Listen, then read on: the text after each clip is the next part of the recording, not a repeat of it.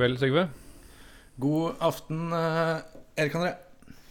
Vi er i gang. Hvis det er noen som faktisk har klart å trykke på shuffle-knappen på telefonen sin og ikke aner hva de hører på, eh, kan ikke du fortelle hva de har rota seg borti da? Nå har du kommet til eh, verdens beste retrospillpodkast. Oh, yeah. Det finnes mange retrospillpodcaster, men det finnes bare én som heter CD-spill. Og forholder seg eh, Jeg går høyt ut, forholder seg utelukkende til DOS-spill. Fra Mm. den tiden eh, fra dataspill-æraen hvor dataspillene var bra. Så velkommen, og gratulerer. Mm. Det var bra, bra shuffle som eh, fikk deg hit. Eh, I dag så skal vi snakke om et stort spill, men eh, først har jeg lyst til å vite litt. Rann. Eh, har du hatt noen skikkelig skuffende spillopplevelser? Sånn enten i, på 90-tallet eller eh, 80-tallet eller i, i går, for den saks skyld? Ja, jeg, jeg har hatt en, eh, en Den er ikke helt i tråd med DOS, eh, temaet vårt, men eh, det var en ekstremt stor skuffelse fordi eh, den var ikke helt i tråd med DOS-temaet vårt, men den er veldig i tråd med min eh, profil som pro gamer. At det er ganske ubrukelig. Eh, det var et spill som ble sluppet for eh, ikke så mange år siden, eh, som hadde et sånn litt sånn cyberpunk Synthwave, mye pastell-tema og fet sånn future-musikk som jeg hadde gleda meg sjukt til. Virka dritfett. Mhm. Eh, og det heter Desync, for de som er kjent med det.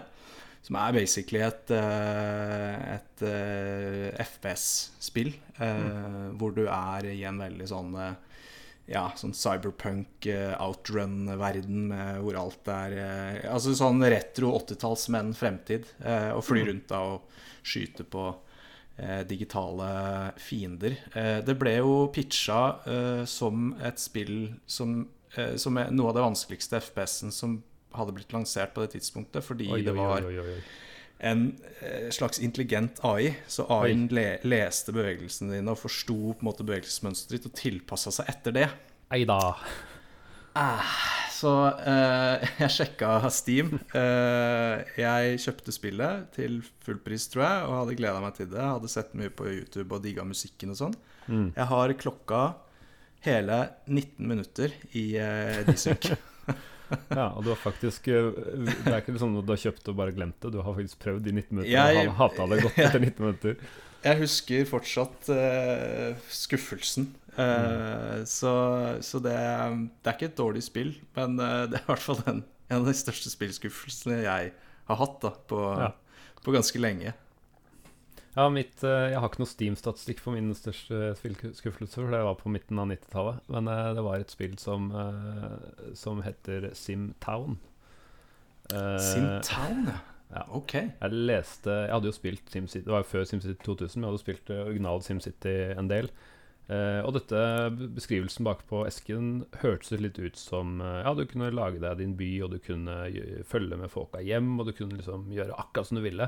Og jeg Altså, den pitchen jeg oppfatta Eller den, sånn jeg oppfatta den pitchen, var at dette var The Sims, egentlig, som kom ti år eller Ja, fem år senere. ja, det, det er jo det jeg tenker når du beskriver det. Ja. Så jeg gleda meg skikkelig til eh, det. Kjøp, kjøpte jeg, så installerte jeg det på, uh, på maskinen min. Uh, og så viser det seg da at dette var eh, Du kan tenke deg SimCity uten, uten penger, uten mål. bare at du kan paste bygninger Klistre det der, Putte klistremerker eh, på et blankt ark, akkurat sånn som du vil. Så kan du lage akkurat den byen du vil.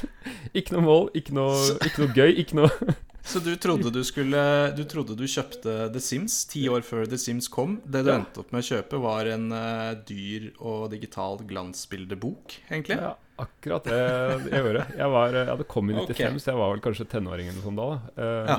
For å si det sånn, dattera mi går i barnehagen. Hun syns det er litt gøy å putte klistremerker på et blankt ark. Ja. Sønnen min har begynt på skolen, han syns ikke det er gøy lenger. Uh, som Nei. tenåring var det definitivt ikke gøy.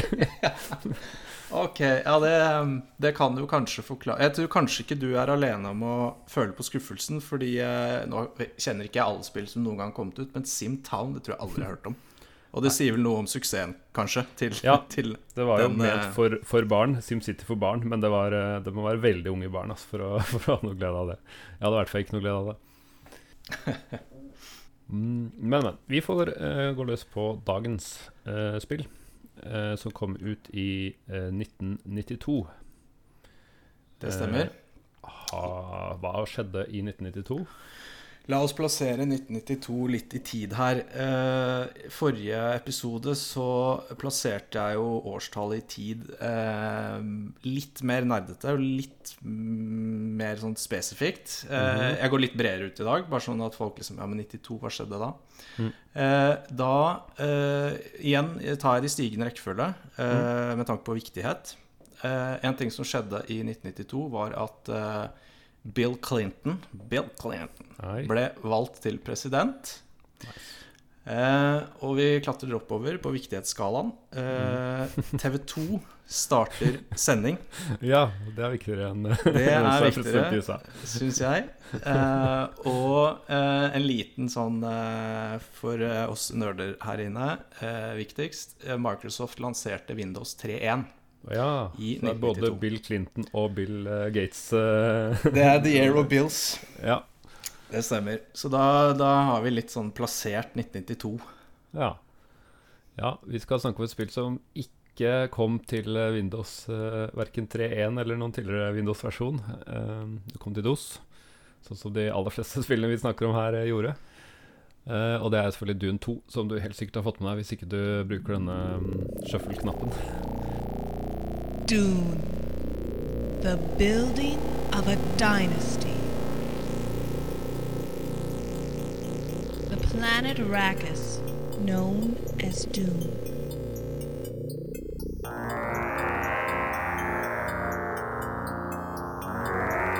Land of Sand.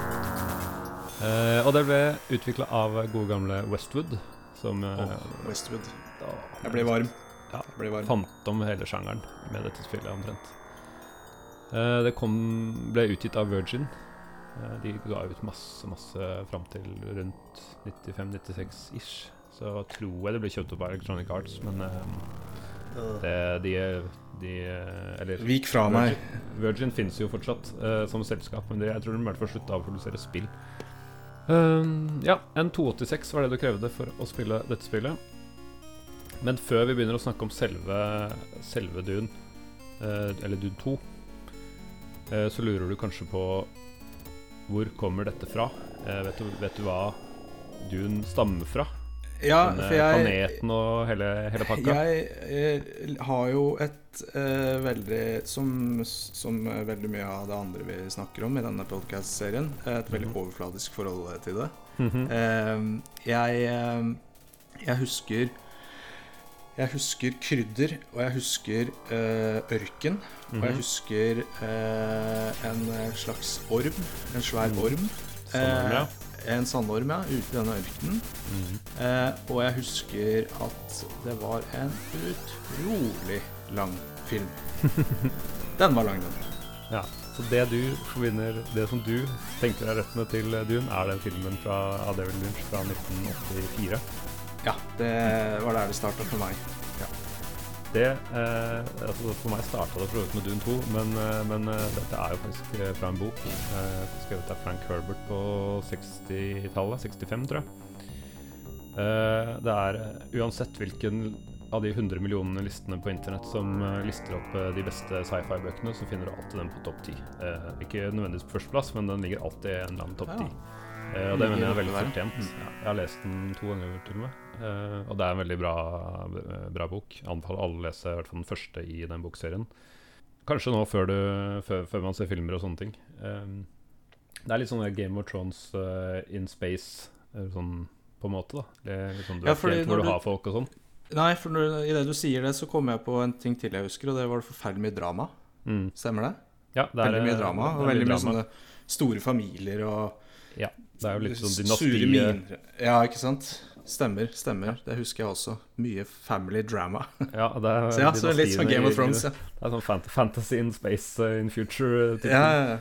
Så nei, det er en veldig bra bok, og den er jo filmatisert uh, egentlig mange ganger, på en måte. Um, det fins en veldig, visstnok veldig god dokumentar på Netflix fra der, som jeg ikke har sett, som handler om første forsøk på å film filmatisere det i, på 70-tallet. Av en eller annen Jodrowski eller noe sånt. Eh, det, han fikk det ikke til, det var for vanskelig. Eh, og han mora seg visstnok litt når Lynch eh, heller ikke fikk det til på 80-tallet. ja, for det ble vel ikke akkurat en knallsuksess, den uh, Lunsj sin variant. Det ble kjempefiasko, for å si det sånn. Den, den, det ble mye røde tall. Men den har liksom blitt en kultklassiker etter hvert. Da. Så den har jo, nå, har den gått i pluss sånn på, i 2000-tallet, type. DVD-utgivelser og sånne ting. Tok, Eh. tok bare noen år. Ja. Ja, det er jo Toto, Toto som lagde musikken, som faktisk er Den er veldig bra. Og den filmen har sine høydepunkter, men eh, det er mye som ikke gir mening, spesielt på, på slutten av siste liksom, kvarte filmen. Da er det mye, mye rart som ikke gir mening, verken for bokfans eller for de som ikke kjenner til det. ja, ok, jeg skjønner. Og så for å bare nevne det fort, da, så, er det, så ble det filmatisert som en miniserie på 2000-tallet. Tidlig 2000-2001-ish. Ehm, som er litt mer Som er lengre, siden det var min miniserie. Men uh, den Jeg så denne på en sånn 14-toms uh, TV-skjerm, og på den og jeg var ikke veldig kritisk i min ungdomstid. Den så jeg at det var sånn kulisser når det gikk i, ørkenen. At det var liksom Det var litt sand, og så ti meter Ah, bak så var det en kulisse, liksom. De resten av sanddynene.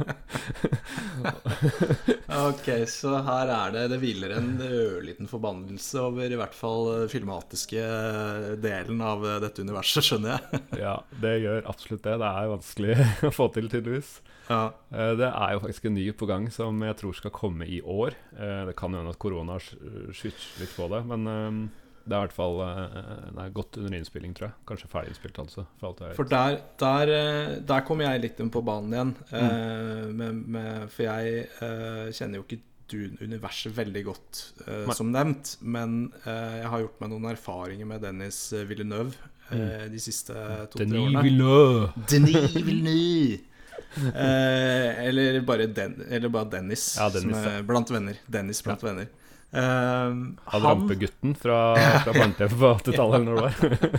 han stemmer det, med det gule håret og Han den hvite hunden. Vokst opp nå, da. Han har vokst opp og, og har skjerpa seg og lager altså filmer som du ikke har sett maken til. Eh, regner med de fleste har eh, sett eh, Blade Runner 2049. Mm. Eh, Knall. og eh, den filmen med, med de romvesen som snakker i Ja, Arrival. Takk. takk Ja. Arrival. Den er Eh, også knallbra. Jeg visste ikke hvem eh, Dennis, da, som jeg kaller han. Jeg visste ikke hvem det var. Og så ble jeg eksponert for Arrival, og så Mm. smalt eh, Blade Runner 2049 eh, ned som en Mm. bombe. Og jeg, jeg gleder meg så mye til hans versjon av Dune Mm. at jeg blir bekymra. For det er farlig å glede seg. Nei, jeg kjenner igjen den, altså. Åh, ja, og hjelpes. Nei, det gleder jeg meg til, altså.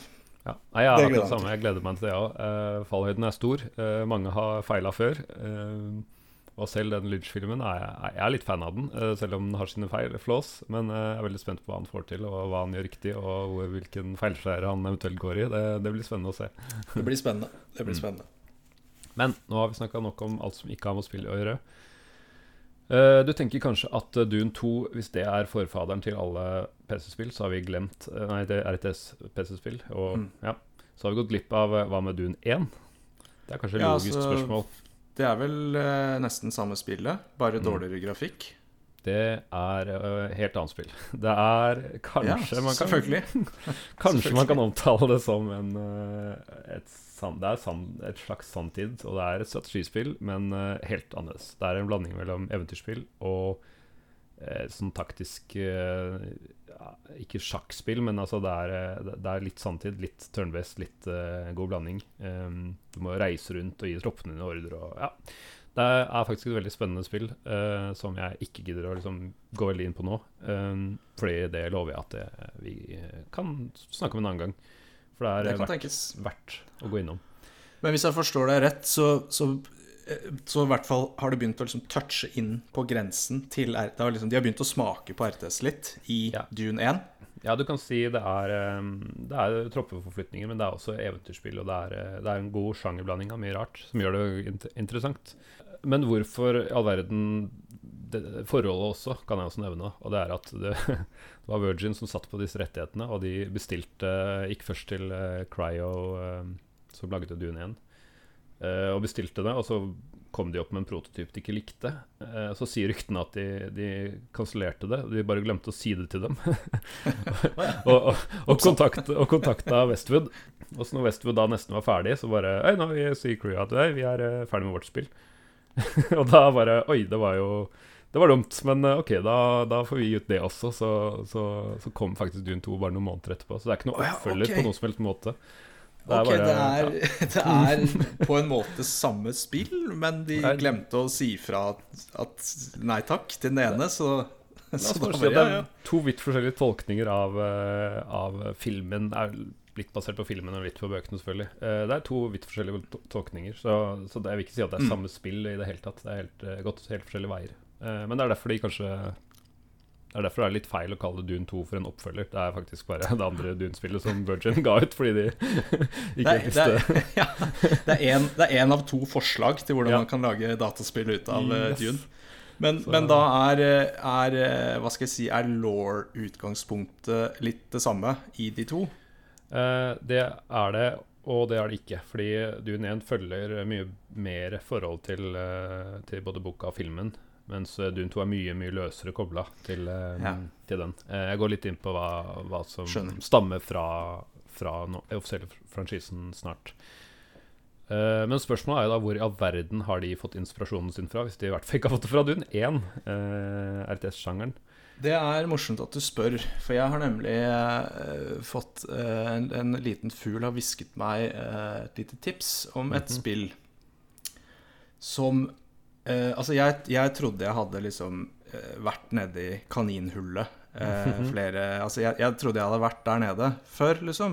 Mm. På YouTube, og man finner mye rart, og mye indie-spill, og mye spill som ble solgt liksom ti eksemplarer. Altså mye rart og mye morsomt, men fytti grisen. Her fikk jeg meg en overraskelse. Både fordi jeg ble kjent med den faktiske bestefaren Oi. til en sjanger jeg elsker veldig eh, godt. Denne heter hertesjangeren. Oldefar, liksom. Oldefar, ursuppe, eh, Big Bang. Og fordi det var some of the weirdest shit I ever seen. Eh, nå skal du høre. Ja. I 1989 eh, så ble eh, Herzog 2 Ja, det er tysk. Tysk, ja. Her Herzog 2. Som er noe sånt som Hertug og spill 2, da. Hertug ja 2. så det også er en oppfølger, da? Eller, eller noe? Ja og, ja, og jeg vurderte Skal vi eh, eh, Dere som lytter, eh, søk på Herzog 1, for det, jeg tenker nå er vi dypt nok ned i Ja, ja, vi Vi kommer oss aldri i mål hvis vi Ja, skal for det går faktisk an å strekke noen paralleller fra Herzog 1 til, eh, inn, inn i RTS-sjangeren, men jeg tror vi jeg tror vi holder oss til Herzog 2. Ja. I, I 1989 så ble Herzog 2 eh, sluppet til eh, Sega uh, Genesis i Oi, oi, oi. Japan. I 1990 eh, så ble det sluppet i Europa og eh, USA. Eh, Herzog Svai er eh, virkelig en, en ursuppe til hertesjangeren. RTS-sjangeren. Det er en eh, karakter som kan skyte, eh, som du ser ovenifra, på et kart som ligner veldig på det vi ser den dag i dag eh, på RTS-spill. Mm. Eh, dog eh, litt lavere oppløsning. Han løper rundt på dette kartet eh, og kan hoppe opp i en slags ehm, eh, et slags jetfly, så han kan transportere seg rundt på kartet. Hoppe da ned på bakken og skyte på fiendene. Eh, det finnes eh, baser eh, som da er fikst. Baser eh, rundt omkring på kartet, som er basically som sånne conquer points, at du må ta de over. Ja, Og det gir deg ressurser, og det gir deg muligheten til å reparere deg selv. Og så kan du bruke ressursene til å kjøpe eh, stridsvogner og infanteri og ø, Husk, dette er Sega Genesis i 1989, så eh, ja, det er ganske enkelt grafisk. Men eh, konseptet er der. Eh, og da er det selvfølgelig da om å gjøre å eh, fly rundt og ta flest mulig av disse basene eller conquer pointsene, sånn at du får mer ressurser, og til slutt da tar eh, fienden. Ja. Eh, med en da veldig sånn intens, enerverende Sega-musikk eh, som pumper Mm. hele tiden. Eh, du kan reparere, du kan som sagt kjøpe enheter, du kan eh, flytte det rundt, og det er real time. Så det viser seg da å være Inspirasjonskilden. inspirasjonen bestefar. Ja. Så det, da lærte jeg eh, noe nytt. Jeg tror ikke jeg kommer til å spille det spillet, men Nei. det var gøy å titte Ja. på det på YouTube. Ja. ja. Nei, fordi det som er grunnen til at du 2 blir regna som, som far, eller eller bestefar eller sånn til eh, RTS-sjangeren, er fordi de, de fant opp konseptet som ble, som ble liksom en formel med at du måtte samle inn ressurser mye av sånne harvestere. Du måtte få penger på den måten. Du bygde en base. eh, Forsvar, bygde enheter. Så du fikk liksom hele den kombinasjonen, da, som, eh, og det var, ikke, det var jo ikke sånn i Herzog Svei. Det, det var det ikke. Det var, eh, det var jo ikke basebygging eller Nei. eh, Nei. Så det er helt riktig. Så det er det Dune 2 eh, liksom skapte, da. Som, uh, som Command Conquer bygde videre på, Warcraft bygde videre på, eh, Total Annihilation bygde videre på. Mm. Uh, alle mulige andre RTS-spill har nesten fulgt den formelen her på et eller annet vis. Det som er uh, greit å vite også, som jeg sa jeg skulle komme tilbake til med, til med hva som er om, så er det jo at du velger, uh, velger blant tre faksjoner. Fraksjoner. Det er The Noble Atreides, The Insidious Orders and The Evil Harkonnen. Oi. Det, det høres nesten ut som det er to Det er én protagonist og to antagonister. Ja, nesten. det er, tre, det er liksom en krig med tre sider. Altså, spiller, eh, det er, eh, du, kan, du kan spille hvem du er. De de er ikke, du, du spiller mot begge to uansett. Eh, så Atreides og Harkonnen er de som, som eh, både filmer og bøker kommer fra. Da. Mens disse Ordos de er noe som Westwood har funnet på selv. Ah, det er fun fact. Det var jeg ikke klar over. Eh, jeg, oppbart, jeg har ikke lest og fordypet meg så veldig. Men jeg, jeg antok bare at alle disse tre eh, faksjonene var en del av law. Men eh, så Ordos er altså eh, funnet opp i ettertid. Jepp. Ja. Og det som skjer i eh, universet der, er at keiseren Det fins keiser i vei for dette universet som foregår liksom titusenvis av år inn i fremtiden. Eh, og han sier at uh, Dune, som er den eneste planeten i hele universet som de kjenner til, som har dette ekstremt verdifulle krydderet, spice melange, uh, som ikke liksom er noe du putter på grøten, hvis du tror det. Det er narkotiske stoffer og S sa, du, sa du Spice Melange nå? Mel melange. Er det, er, ikke det, er, ikke det, er ikke det noe som selges på, på Starbucks? Eller du får det vel på Rema 1000 nå, gjør du ikke det?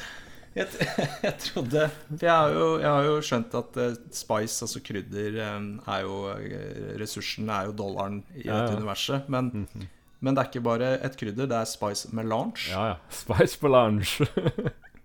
i alle dager. ja. Så det, de trengte jo Kunne jo bare kommet til Rema 1000 og funnet det der, men eh, de reiste ut i universet og fant en hel planet fylt med Fylt med det. Lager de mye kaker i dette universet, eller hva? hva? Nei, det er det som er morsomt. De har funnet ut egenskaper vi ikke har oppdaga ennå. med dette Ah, ok, dessverre. ok. Ja, for det, det, hvert fall Hvis du går litt i law, så, så gir det For det er det narkotikum, så, så, og derfor er det også veldig farlig og dødelig hvis du, hvis du tar det feil. Um, det er det som egentlig muliggjør sånn space travel, fordi um, Fordi uh, uh, ja, de navigatørene de bruker det til å liksom få, få to punkter sammen. Um, Jeg tror har, eh, Hvis jeg hadde spist et par kilo med melange, så tror jeg også jeg hadde vært i stand til å reise både i tide og, og rom. Altså. Så, så jeg, den, er, den er troverdig nok. Jeg kjøper Ja. den. kan være at det er noen uh, underliggende tanker der, ja. Så nei, det er, det er mange egenskaper. Men det spiller ingen rolle i Dune 2. Der funker det kun som, eh, som eh, ressurs som du skal høste inn og, og finansiere stridsvognene og basebygginga de. Ja, så det er rett og slett Det er dollaren. Det er uh, the Yes. currency. Jeg tror Mm. de kaller det Solaris, den uh, myntenheten, uten at jeg trenger Ja. å gå inn på det. Riktig. Eh, så det som er, er at keiseren sier at på denne planeten så er det fritt frem for dere Atreides, Ordos og Harkonnen. Uh, byen i hver deres ende. Uh, konkurrer. Og det er jo litt sånn for at han skal sette de opp mot hverandre, så han skal um, skal ta jo selvfølgelig godt betalt for, for dette krydderet. Og han tenker at dette blir en likevekt hvor han kan profitere på at de uh, uh, De dreper andre, så får han være i fred, på en måte. Men det går jo ikke sånn hvis du er flink i RTS og klarer å spille gjennom alle ni, ni levelene. For da ender det med at du Den, den fraksjon, fraksjonen du velger, vinner jo selvfølgelig. Og da rotter de andre seg sammen mot deg, og til slutt setter keiseren inn også sine stropper mot Ja. deg, da. Ah. Og litt avhengig av hvem du vinner med, så blir jo keiseren avsatt på litt mer brutale måter. Jo, jo ondere du er, for å si det sånn. Så du har, du har eh, faktisk en, eh, en slags bossfight i et RTS-spill? Ja, det Ja. kan du si. Eller si du har Ja, for i det siste brettet der har du tre baser du må slåss mot, da. Det mm, blir vanskelig mot slutten, for å si det sånn. Men alle brettene var unntatt de liksom to første som var sånn få hjelp, så var det utslett alle de andre basene. Um, det var ikke noe kreative oppdrag eh, der. Um, så det var veldig mye av det samme, da. Det, Det var litt sånn uh, som sånn jeg håper jeg, custom skirmishes i Ja. RTS-er videre i, i historien. Så, så var her var alle brett var basically Ja. en custom skirmish med Ja. eh, Annihilate uh, the enemy. uh, Mm. That's it. Og så er det jo sånn campaign-modus hvor du, hvor du får stadig flere enheter. Da. Så sånn sett så er det litt spennende å spille neste mission, for da, da har du låst opp en eller to nye tankster eller våpen du kan bruke. Ja, Så så, så, tekkinga skjer ved å vinne, vinne levels i kampanjen. Så det er sånn du tekker opp. Helt riktig. Men du starter ikke med mer ressurser, f.eks. på neste brett. Du starter på en måte med base og Kall det fra start, da. Ja, Men du har bedre tech. Ja, Ja, eller du har mulighet til å lage bedre tech, da, så du kan Ja. bygge flere bygninger og sånne ting. riktig. Det som er med de tre, uansett hvilken du, du velger, så er de veldig like. da De hadde ikke lært seg å lage unike Det er ikke Starcraft, liksom. Det er nesten de samme tech-tre og nesten de samme enhetene på alle fraksjonene. De har en to-tre unike. Vi får vel gi de, litt slack, som eh, basically oppfinner av RTS-sjangeren. Ja, jeg syns det. Gi, de- gi de liksom uh, Gi de cred, credit where credit is due. Ja, absolutt. Men, men riktig, så det er nesten litt sånn uh, reskinna, egentlig, da, med de, Ja. mellom de forskjellige Forskjellige farger, egentlig. Mm. Vi har uh, to enter ca. hver. Um, kan jo fort gå gjennom dem. Uh, det første er sånn light uh, Ordos har en sånn trike, som er sånn superrask uh, dunebuggy, holdt jeg på å si. Uh, eller dunebuggy er Treedis-versjonen, og så har eh, Quad, eller noe sånt heter uh, eh, Harkon. Og det er liksom hvor, mye, hvor, hvor dyre det er, og hvor mye de tåler, da. Så, og, og raske de er. Så er det helt likt en god stund oppover i treet, og så har det um, ett sånn spesialvåpen. Uh, Atreides har Sonic Tanks, som sender sånn lydbølger og, og dreper med det. Uh, det er sånn Der må du passe på Det er friendly fire i det spillet, her så du må passe på ikke å ha noe mellom eh, det du Ja, okay. på og deg. Da. Så det er, det er litt uh, manøvrering der. Eh, og så har Aarhus har en litt morsom sånn rakettkaster som kaster en sånn nervegass, som gjør at det du treffer, blir eh, Du tar kontroll over dem da, i mi- midlertidig. Så da hvis du tar det på Ja, tar du på en Sonic Tanks, da, så, så styrer du Ordos da den Sonic Tanksen i, i et minutt eller halvt minutt, eller hva det er. Det er jo noen game concepts her som er eh, Ok, det er riktignok litt sånn re reskinna mellom faksjonene, Mm. men eh, det er noen game, game concepts her som er ganske langt frem i, eh, håper i tid, da. Det det er veldig spennende. si. Og så vil jeg bare si eh, eh, nervegass er morsomt. Du hørte det her først. ja, ikke sant? Eh, og Harkon har en um, sånn The Devastator, som er en sånn svær eh, motherfucker som, uh, som skyter hardt og brutalt. Ja, den er vel nuclear powered, så, så hvis den Jeg lurer på om den kan self-destructe. ja. Eller om den bare sprenger hvis den, hvis den går i stykker, så gjør den som skade rundt seg. Så de er litt sånn De er litt skumle. Handle with care, ja. Mm.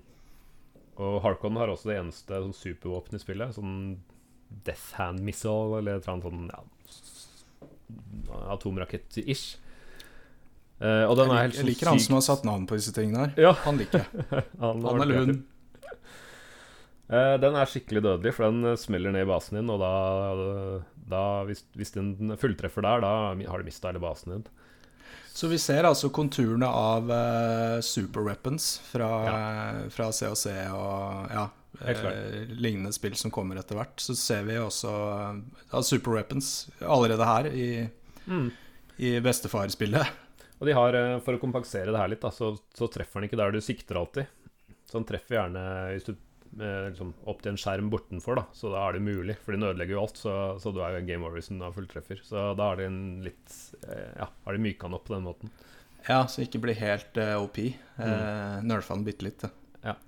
Uh, Atreides har De allierer seg med noen sånne Fremen-tropper. og det er også et ganske unikt konsept, fordi du kan deploye dem.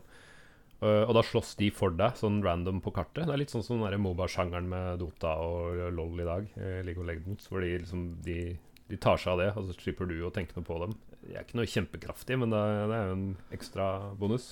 Ja, det er jo, da har du en uh, avledningsmanøver. Du har jo en, uh, en ekstra plage for Mm. motstanderen som han må forholde seg til, mens du eh, flankerer fra venstre og gjør alt eh, riktig etter krigsskolens doktriner. ja. Årdes har en sånn sabotør som kan bare ødelegge bygninger. Eh, eh, litt sånn som Rambo-karakteren i COC. Ja, ja, ja. Det er flere og flere ting her som eh, Som går igjen, Mm. ser jeg. Det er ikke bare konseptet. Det er jo mer og mer Her har man jo egentlig eh, kopiert det beste og lagt på bedre grafikk Ja. for, eh, for neste spill, faktisk. Det er helt åpenbart hvordan Command Conquer, som vi også ble lagd av Westwood, har, eh, Ja. har virkelig bygd videre på det og, og lært, og, og lært av sine feil og, gjort det bedre, holdt jeg på å si. Eller lært av sin suksess, får vi kanskje si. Ja, Jeg tenkte vi kunne nevne Eller ja, har du noen spesielle minner om Har du spilt i det hele tatt? Ja, altså jeg, jeg, jeg husker det eh, veldig vagt. Eh, det som skjedde for min del, var jo at jeg eh, fikk jo Command Conquer før eh, Ah, jeg ble klar over eh, Dune 2. Mm. Ja, da er det ikke like Eh, og, spennende. Nei. Og, og eh, all ære til Dune 2, men Mm. eh, det er jo ikke noe tvil om at Command Conquer er en, som vi nettopp var inne på, Mm. en forbedring på et allerede bra konsept. Mm. Eh, jeg skal, vi skal snakke mer om Command Conquer en annen gang, så det Mm. Vi lover eh, å komme tilbake og, og ja, dekke det, det, grundig. fordi der har jeg Der Mm. eh, har jeg en del jeg har Mm. lyst til å si. Um, Men jeg husker at jeg var hjemme hos deg en eller annen gang, og Mm. eh, du nærmest eh, tok meg litt i skole. Eh, Mm. Ja, du spiller Command Conquer, ja, men det er viktig at du vet Du vet hvor, hvor ting kommer fra. Eh, se her, dette er Dune 2. Sier du at jeg var litt Eh, belærende også på den Ja, tiden? ja det, Nei, men jeg syns altså du, du har en ydmykhet over deg som gjør at det går helt fint. Eh, Du sitter ikke på noe høyhvit hest, eh, men det var veldig tydelig at det var Jeg kjente røttene, som du ikke kjente. Ja, Det- ja det, var, det var tydelig at dette lå ditt hjerte nær. At uh, Kos deg med CAC, men du skal søren meg vite hva, hvor du kommer fra. Um, Mm. Så jeg husker at eh, du, jeg tror du viste meg det en, en liten stund når jeg så litt på, og, Mm. og skjønte jo da Så det husker jeg den dag i dag. Så husker jeg at Fyttegrisen Dune 2, eh, det, det er jo der COC kommer fra. Det Mm. Ja. husker jeg den dag i dag. Eh, men eh, så konkluderte vi fort med at det var gøy å, å prøve det litt, og så Mm. går vi tilbake til eh, COC. Så det er liksom det minnet jeg har eh, fra, fra Dune 2. Mm. Ja, mitt uh, første minne husker jeg egentlig veldig godt, for det var uh, Jeg hadde jo jeg har inntrykk av at alle har en eller annen sånn spillvenn eller en eller annen uh, bekjent som bare har flere Som er liksom kilde til spill da, på, Mm. på piratkopiering og diverse. Eh, jeg tror jeg har vært den personen for flere, flere andre. Og, og jeg, min sånn person, det var eh, fetter Espen. Uh, Shout-out til Ja. Ja. Jeg husker, jeg, husker jeg var med han eh, Jeg var på besøk hos han, og han tok meg med hjem til en, eh, en kompis av han da som hadde Dune 2. eh, og flere andre spill også. Men, eh, og han hadde lydkort da som jeg aldri hadde vært borti før engang. Så jeg ble helt sånn trollbundet av bare atmosfæren og lyden. Og det var jo Ja, enheter som liksom Yes, sir! All right! ja, ja det, var, det var ekte stemmer. i tillegg til at det var bra musikk og sånn. Eh, og så tok det jo litt tid før jeg fikk det spillet selv. da Jeg, Jeg traff hverandre ikke sikkert en gang i kvartalet eller noe sånt. Og da ble jeg litt skuffa når jeg installerte på 286 min med PC-speaker med Ah. Ja, riktig. og uten Lite. sound, nei, stemmer og sånn. Lite nederlag der, ja. Ja, Det kan jeg se for meg. Ja, så det var eh, Jeg hadde liksom gleda meg til det. Jeg husker jeg fortalte til faren min åssen opplevelsen var å ha spilt hos han. det var liksom ikke måte på hvordan, eh, hvordan det var. Eh, Men jeg fullførte hele spillet, sikkert med flere fraksjoner til og med, eh, på PC Speaker. Og syns jo det var eh, Jeg likte jo PC Speaker, for jeg visste ikke bedre. Eller jeg visste jo Jeg hadde jo dyppa tærne i noe bedre, men Men eh, jeg syns litt synd på foreldrene mine som, eh, som måtte tåle en eh, PC-speaker i huset. Eh, Ja, jeg hadde ikke takla det, for å si det sånn. Den, eh, den nostalgien den varer noen minutter, Mm. og så, så er det litt slitsomt. Så det, men eh, du brukte ikke det som leverage da, for å få, få inn uh, Soundblaster-kort i, i 286-en? Eh, Jeg husker ikke hvor lang tid det tok, men, eh, men det kom en Soundblaster i 286-en før, eh, før vi oppgraderte. Det tok sikkert ikke liksom, to uker, det tok kanskje et år, men, men da gikk jeg tilbake til Dune 2. Det husker jeg var en av de første spillene jeg skulle teste med, med nye lydkortet. Um, så det er en stor oppgradering. Um, musikken Se om jeg får Det var mye sånn actionmusikk og mye sånn stillhetmusikk. Det var veldig, sånn avhengig av hva du gjorde. Og her hører du en sånn battle uh, marching Ja, for dette liker jeg med en gang. Dette er jo Dette er jo dritspennende. Ja. Og det var de også ganske forut på, fordi når, eh, når noen kom og angrep basen din, så satte de på sånn musikk. Og så skitsja liksom, fra litt mer sånn stille, rolig, fredelig team, så kom det noe sånt da når det var action på skjermen. For det var denne musikken du hørte hos eh, kompisen til fetter Espen. Yes! Da skjønner jeg Da blir det enda tydeligere eh, for meg, det nederlaget. For dette, dette her var jo det, det, This shit slaps, da. Ja. Og så kommer du hjem til uh, blips og blops på, på PC-speaker. Ja, nei, det var en stor nedtur, men, eh, men jeg syns jo fortsatt det var kul musikk på Festpeaker. Uh, jeg prøvde å høre Dosbox klarer å emulere det der, så jeg prøvde nå i går faktisk å høre det på Festpeaker igjen, som jeg ikke har hørt siden, siden før jeg fikk lydkort. da Og det ja, Nå kjente jeg ikke igjen lenger, da, men, eh, men det var grusomt, altså. Men eh, Ja. ja. Nei, for det, det Jeg har jo eh, som sagt så det så vidt hos deg en times tid, eller hva det var, og dette var Dette var skikkelig kult. mm, Eh, nå, nå ble jeg jo Bare å høre musikken så ble jeg nesten litt sånn nysgjerrig på om man skulle Kanskje skulle prøvd Prøvd, Mm. prøvd seg i, i DOS-boks. ja. Ja, vi skal komme tilbake til, eh, til om det er verdt å spille igjen eh, snart. Um, jeg tenkte vi skulle prate litt om Det har jo Det stoppa jo ikke med Dune 2 i Dune-franchisen. Nei, det har vært eh, Altså, COC også sånn, men det har jo Det var ikke det siste Dune RTS-spillet. Eh, det neste var Dune 2000, um, som egentlig var en remake av Dune 2.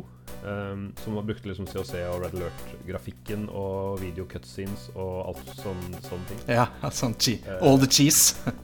Men uh, alle hata det. Jeg hata det ikke fordi jeg anså at det var en remake og ikke et nytt spill. Men jeg skjønner, skjønner hvorfor folk hata det. Fordi uh, det, det var liksom oppgradering grafisk. Men i forhold til COC og Red Alert, som hadde masse forskjellige fraksjoner, så var det liksom nedgradering med, med tre nesten helt like eh, fraksjoner. ikke sant? Ja, ikke sant. Det var nesten bare en, eh, en, en, en re-release Ja, i. HD, nesten. Ja. Ja, Nei, det var ikke det heller, fordi det var jo Eller jo, det var jo Ja. Nei, det var Eller ja, HD i anførselstegn, men ja. ja. ja. De hadde, de hadde skrudd opp oppløsningen litt, men ellers så var det ganske likt. Ja, og fått FMV og sånn. Men um, ja, det var vel derfor den ikke ble noen stor suksess, da. Eh, men i både Dune 2000 og i Dune 2 var det Frank uh, Klepacki som var store Westwood-musikeren som lagde til Command Conquer og egentlig nesten alle Westwood-spill på, på 90-tallet, før de ble kjøpt opp. Så mm, han har en eh, Jeg tror han ble ansatt som sånn 17-åring eller noe sånt, altså, som frilanser, og så bare ble han værende. altså, jeg, jeg vet jo at jeg liker musikken i CC veldig godt. Mm. Uh, og nå vet jeg også uh, at jeg liker musikken i Dune 2 veldig godt. Mm. Så jeg vet at jeg skal på YouTube etterpå og høre på Frank Klepakki. Det, Mm. det er det ikke noe tvil om. Det må du gjøre. Både midi-versjonene og de tvert Ja, ja, digitale ja. versjonene er eh, verdt å få med seg. Um, og så kom siste, var det siste Westwood uh, ga ut, tror jeg, før de ble kjøpt opp av uh, Electronic Arts. Det var Emperor Åh. Battle for Dune. Unnskyld, jeg bare Ja. øh. Electronic Ok, Arts. Vent litt. Jeg må bare øh. OK, sorry. Uh, greit, vi kan gå videre. Hva var det du sa? Uh, De siste de slapp før uh. Ja, før, før eh, Det var Emperor Battle for Dune. Det Aha. var en slags oppfølger til eh, Dune og Dune 2000. da Ehm, Og det var det første sånn 3D-spillet som Sånn ordentlig 3D-spillet som Westford lagde. Eh, det var også veldig interessant. Vi, siden vi, det er utenfor liksom, scopet av denne podkasten, så får jeg nevne det litt raskt her, da. Ehm, men den, eh, det hadde, hadde også tre, de samme tre fraksjonene, men det hadde eh, mye mer unike enheter. Og det hadde Ehm, akkurat som på alle andre RTS-spill og Dun 2, så kunne du velge hvor du skulle angripe. Men det besto av vekselvis angrep og forsvarsspill. Da. Så du ble angrepet i en eksisterende region eh, annethvert eh, spilltype.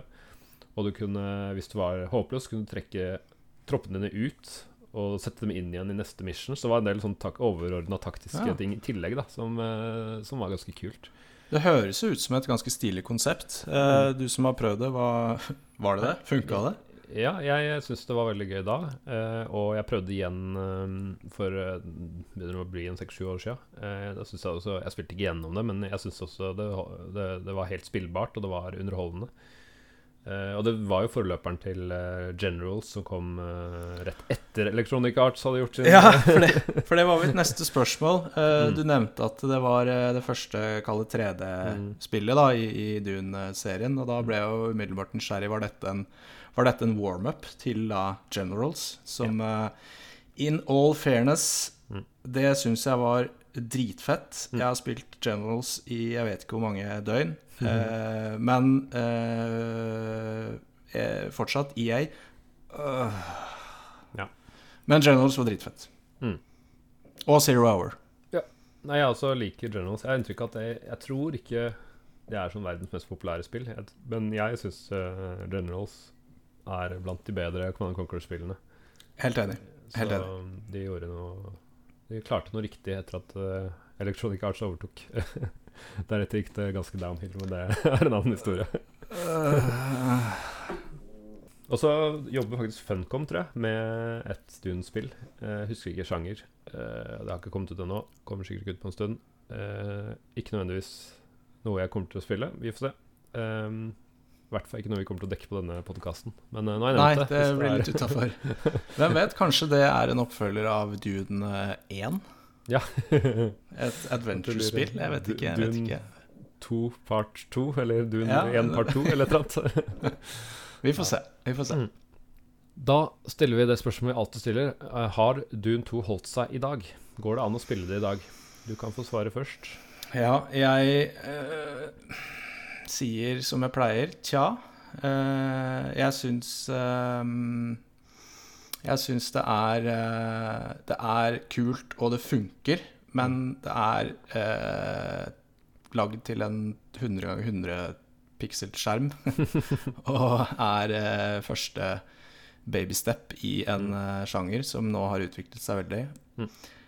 Ja, hvis jeg Nei, jeg spiller heller uh, Command Conquer eh, remastered Mm. enn eh, Dune 2 i, i, eh, i 2020. Mm. Ja, jeg mener definitivt at det ikke har holdt seg. For, for hvis du prøver å spille, så ser du hvor utrolig håpløst det er med at du har bare én musetast. Du kan ikke ha noe høyreklikk for å gå. Du må liksom trykke move, du må trykke attack, du må, må gjøre sånne ting. Um, og det er ehm, Nei, det er et kult konsept, men det fungerer. det, altså, Sjangeren har løpt fra, fra det spillet. Det, er- det er så mye improvements. Eh, så, Hør, ah, hør på musikken til Frankie Klepakki. det kan du gjerne gjøre i bakgrunnen Ja. på eh, Ja. uansett hva du driver med. Gjør heller det. Um, og det fins jo, uh, som alltid, masse sånne fan-remakes som gjør det litt mer moderne, hvis du absolutt vil spille, men igjen er så mye Det er liksom blitt mye bedre, da. Eh, alt, eh, alle etterfølgende RTS-spill har jo forbedra konseptene.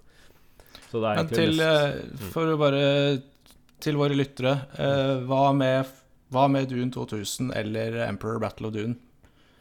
Er det vits? Er det gøy? Nei, altså Dune 2000, det er som jeg sier, spill Command and Conquer eller Red Alert, de eh, har jo gjort det bedre. Det er det samme. Hvis ikke du er sånn veldig, eh, veldig eh, Dune-fan, så Nei, det er ikke noe vits. No. Emperor Battle for Rune er faktisk verdt å spille, men igjen, det begynner å bli ganske gammelt. Det er jo snart 20 år gammelt, det også. Um, men det syns jeg um, Det er verdt å ta en titt på, i hvert fall, og se om du, Ja. om du liker. Mm, det syns jeg.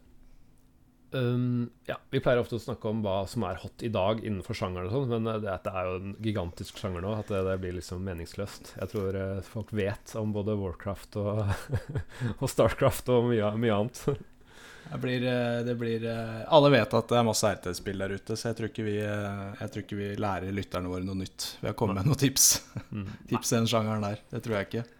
Da begynner vi virkelig å komme til slutten her. Um, vi nevner som alltid at uh, vi har uh, Twitter- og Facebook-tilstedeværelse. Um, CD-spill. Det er med CD underscore-spill på Twitter og bare CD-spill i ett ord på um, Facebook. Hvis du bruker URL-en, så finner du det nok. Neste gang så vi, skal vi dekke et stort spill som heter Wing Commander som fikk masse oppfølgere. Og vi skal til og med, hvis alt går etter planen, få en gjest. Så Det blir spennende. Prøver oss på det. Mhm. All right. Da snakkes vi. Ha det bra. Det gjør vi. Ha det bra, folkens.